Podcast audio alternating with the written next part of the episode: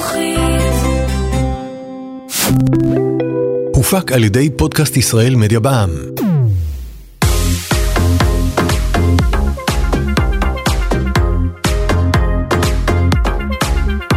שוות להכיר.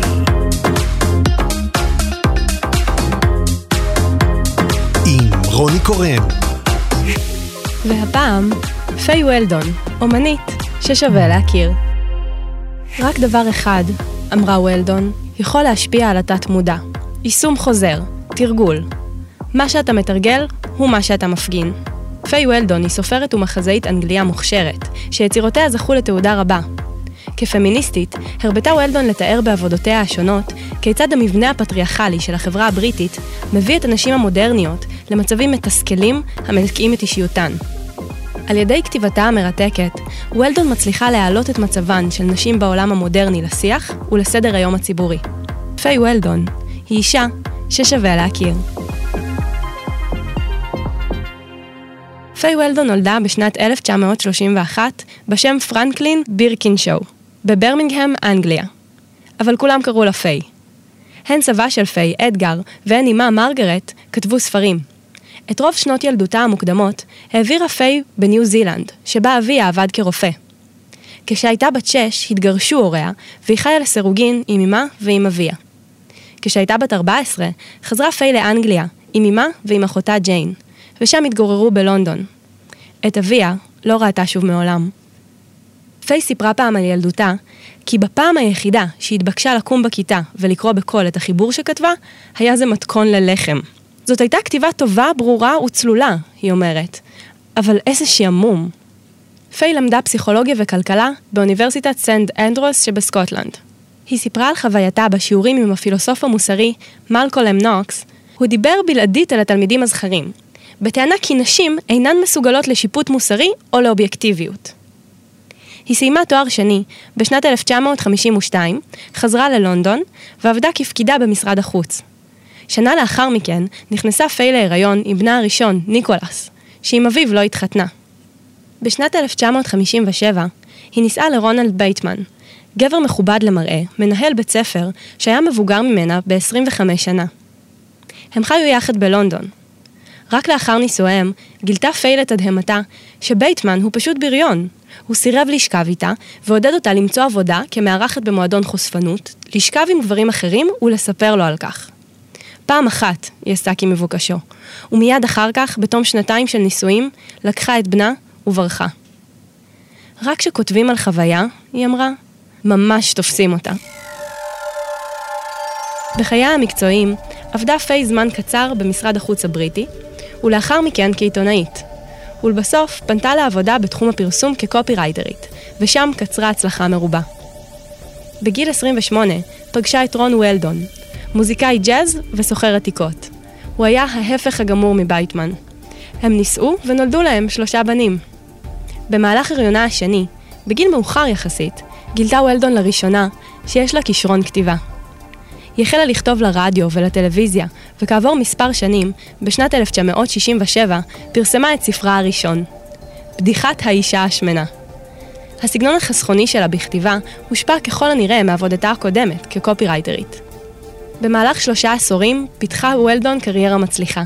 היא פרסמה יותר מ-20 רומנים, קובצי סיפורים קצרים, תסריטים לסרטי טלוויזיה ומאמרים לעיתונים ולמגזינים. וולדון גם התארחה רבות בתוכניות של ה-BBC והפכה למפורסמת. בשנת 1971 כתבה וולדון את הפרק הראשון של הסדרה המוכרת אדונים ומשרתים. עליה זכתה בפרס גילדת הסופרים לתסריט הטוב ביותר בסדרה בריטית. וולדון גם כתבה את התסריט לעיבוד הטלוויזיוני של ה-BBC לספרה של ג'יין אוסטין, גאווה ודעה קדומה, שיצא בשנת 1980. באותה השנה, היא כתבה את התסריט לסרטו של הבמאי והיוצר ג'ון גולדשמיט, החיים של קריסטין, שסיפר את סיפורה האמיתי של ילדה בת 15 הנידונה למאסר עולם. ברומנים שלה, וולדון מציגה נשים המדוכאות על ידי החברה ונאלצות לנקוט צעדים נואשים.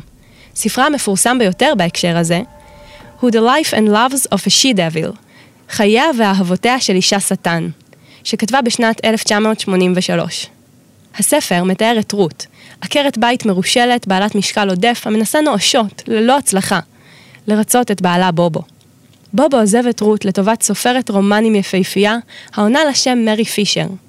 אבל לא לפני, שהוא אומר לרות שהיא אימא רעה, ראיה גרועה, טבחית מזעזעת ושהיא נראית נורא. רות מחליטה לנקום, ומתחילה צעד אחר צעד להרוס את חייו של בעלה. במהלך הסרט, היא עוברת סדרה של ניתוחים פלסטיים כדי להידמות יותר למודל היופי שאותו מייצגת מרי פישר. רשת הטלוויזיה BBC שידרה מיני סדרה המבוססת על הספר, ובשנת 1989 עלה לאקרנים סרט קומדיה אמריקאי המבוסס עליו. רומן מוקדם יותר של וולדון, בשם "למטה בין הנשים", שיצא לאור בשנת 1971, מספר על שלושה דורות של נשים, ומציג נישואים כושלים, כישלונות פיננסיים וקשרים בוגדניים. הדרישות הסותרות מנשים בחברה המודרנית הן הבסיס לספרה פרקסיס, שיצא בשנת 1978. בפרקסיס, וולדון מתייחסת לציפייה מכל אישה לעמוד היטב בתפקידיה הרבים, כאם טובה, כאשת קריירה וכפמיניסטית. ציפייה מוגזמת כל כך, כפי שמשתמע מכתיבתה של וולדון, שבאופן כמעט בלתי נמנע מובילה לתחושת אשמה בלתי פוסקת, שמלווה נשים בעולם המודרני כל חייהן. אל תוך פחות מ-300 עמודים, וולדון מצליחה לדחוס בספר זה מקרה אחד לפחות מכל סוג של מניפולציה ותוקפנות שאפשר להעלות על הדעת. אשר לדעתה גברים משתמשים בהן כדי להביא נשים למקום שבו הם רוצים אותן.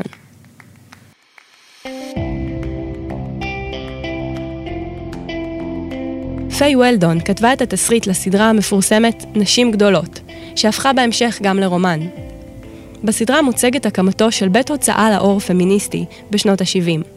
וולדון הדגישה לעיתים בתסריט צדדים קיצוניים ואף הזויים של הפמיניזם, וזכתה להרבה ביקורת על הקשר הדו-משמעי שלה עם התנועה הפמיניסטית. לעיתים קרובות נראה כי היא קוראת תיגר על עקרונות התנועה ועל פוליטיקה מגדרית. אולי מה שעומד בבסיס יחסי האמביוולנטיים עם הפמיניזם, הוא הוויכוח המתמשך שהיא מציגה בכתיבתה לאורך השנים על השפעת הסביבה אל מול התורשה בחיי משפחה ובמערכות יחסים. בראיונות, וולדון נוטה לייצג את נקודת המבט של הדטרמיניזם הביולוגי, באמירות כמו כולנו עדיין יצורים של המערה, או אם הטבע היא מיושנת ללא תקנה. הרומנים המוקדמים שלה מציגים לעיתים את הנשים כאחראיות בעצמן למצוקותיהן, אבל במאוחרים יותר, הגיבורות שלה הן פרגמטיות ומניפולטוריות, החותרות תחת גברים ותחת סדר העולם הגברי. פיי וולדון מאשימה את הפמיניזם בכך שלא נתן מעולם מענה הולם לשאלת האימהות. חוץ מהמלצה להימנע ממנה, המלצה שהיא מבחינת רוב הנשים אינה רלוונטית. לטענתה, הפמיניזם במיוחד לא מתייחס לשאלת האימהות העובדות.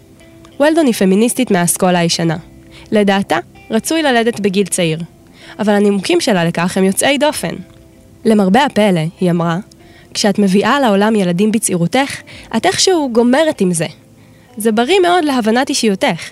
את מבינה עד כמה את מגעילה, אחרת היית ממשיכה לחשוב שאת בן אדם נחמד. כשנולדים הילדים את תופסת שאת אנוכית, עצלנית, מניפולטיבית, רגזנית ומגעילה. בקיצור, את בדיוק כמו אימא שלך. מה שאת לא רוצה, הוא שיגזר עלייך להישאר בבית ולטפל בהם עד סוף ימייך. לא תודה. בעיני וולדון, ההקרבה שנדרשת מאימהות בתחום הקריירה לא ממש מעניינת.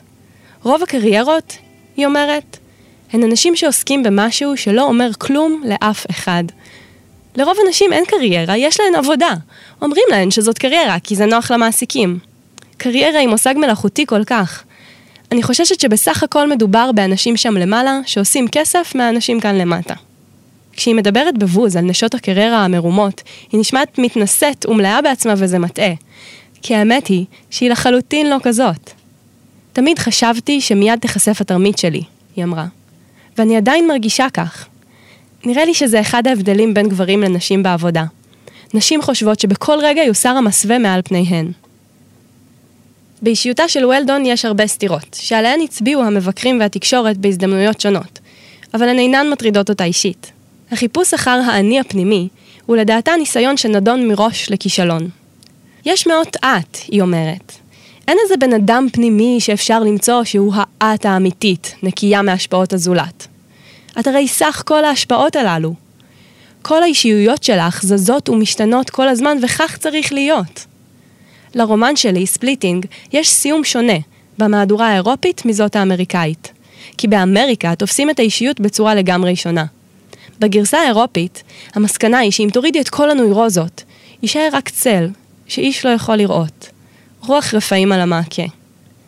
בגרסה האמריקאית, אם מורידים את האישיות הנוירוטית, נשארים עם זהות חזקה, מלאת עוצמה ומרץ, אישה צעירה שהולכת ללמוד מוזיקה. אני מעדיפה בהרבה את הסיום האירופי. אם חושבים על זה, אנחנו צריכים ליהנות מהנוירוזות שלנו, במקום לחפש איזה דבר שלא קיים מאחוריהן. זה פשוט משעמם. בשנת 1992, לאחר 30 שנות נישואים, נפרד הזוג פיי ורון וולדון. שמונה שעות לפני שהליך הגירושים מסתיים רשמית, רון מת. וולדון אמרה שאחרי מותו היא כנראה יצאה מדעתה מרוב עצב, אבל הוסיפה כי היא כתבה כמה ספרים ממש טובים בזכות החוויה העצובה הזו. בשנת 2006 היא מונתה לפרופסור לכתיבה יצירתית באוניברסיטת ברונל בלונדון, ובשנת 2012 קיבלה פרופסורה באוניברסיטת באת' ספא. כל כתיבה היא יצירתית במידה כלשהי, היא אומרת. אי אפשר ללמד אנשים איך לכתוב, אבל אפשר ללמד אותם מה כן ומה לא לכתוב. היסודות של דקדוק טוב. אנחנו רוצים שכל התלמידים שלנו יעזבו את ברונל מצוידים היטב כדי שיעשו את דרכם בעולם כסופרים טובים ופרודוקטיביים. אם כמה מהם יתבררו כגאונים, זה אפילו הרבה יותר טוב. על אף שבעצמה מעולם לא למדה כתיבה באופן מסודר, פיי וולדון נחשבת מרצה ומורה מצוינת, והיא נהנית מאוד ללמד. וכמו בכל נושא אחר, גם על עולם ההשכלה הגבוהה בכלל ועל סטודנטים בפרט, יש לה דעות מוצקות. היא מקננת על מותה של החשיבה הביקורתית בקרב תלמידיה, ומתלוננת שהם עסוקים כל כך בלהרגיש ולהרגיש, שהם בכלל לא עוצרים לחשוב. אם אתן רוצות לדעת עוד על פיי וולדון, אתן יכולות לקרוא את האוטוביוגרפיה שלה, אוטו דה פיי, שפרסמה בשנת 2002. ובכן, אין זמן מיותר. החיים קצרים, ההיסטוריה של העולם ארוכה וחברותיה מגוונות.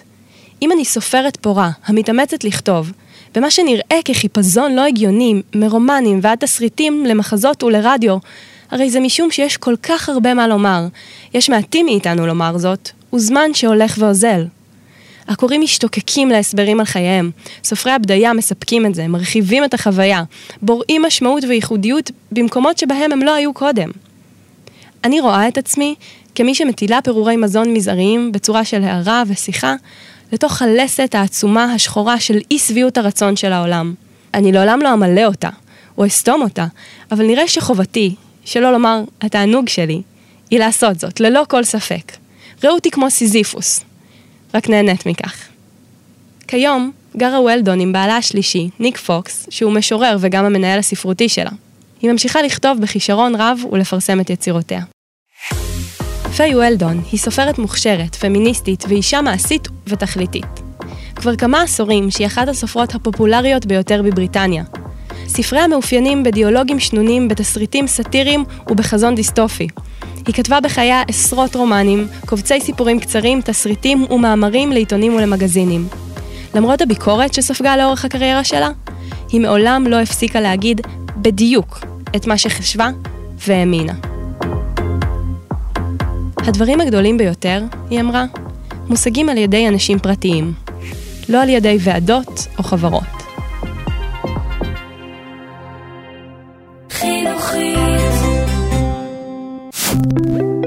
הופק על ידי פודקאסט ישראל מדיה בע"מ.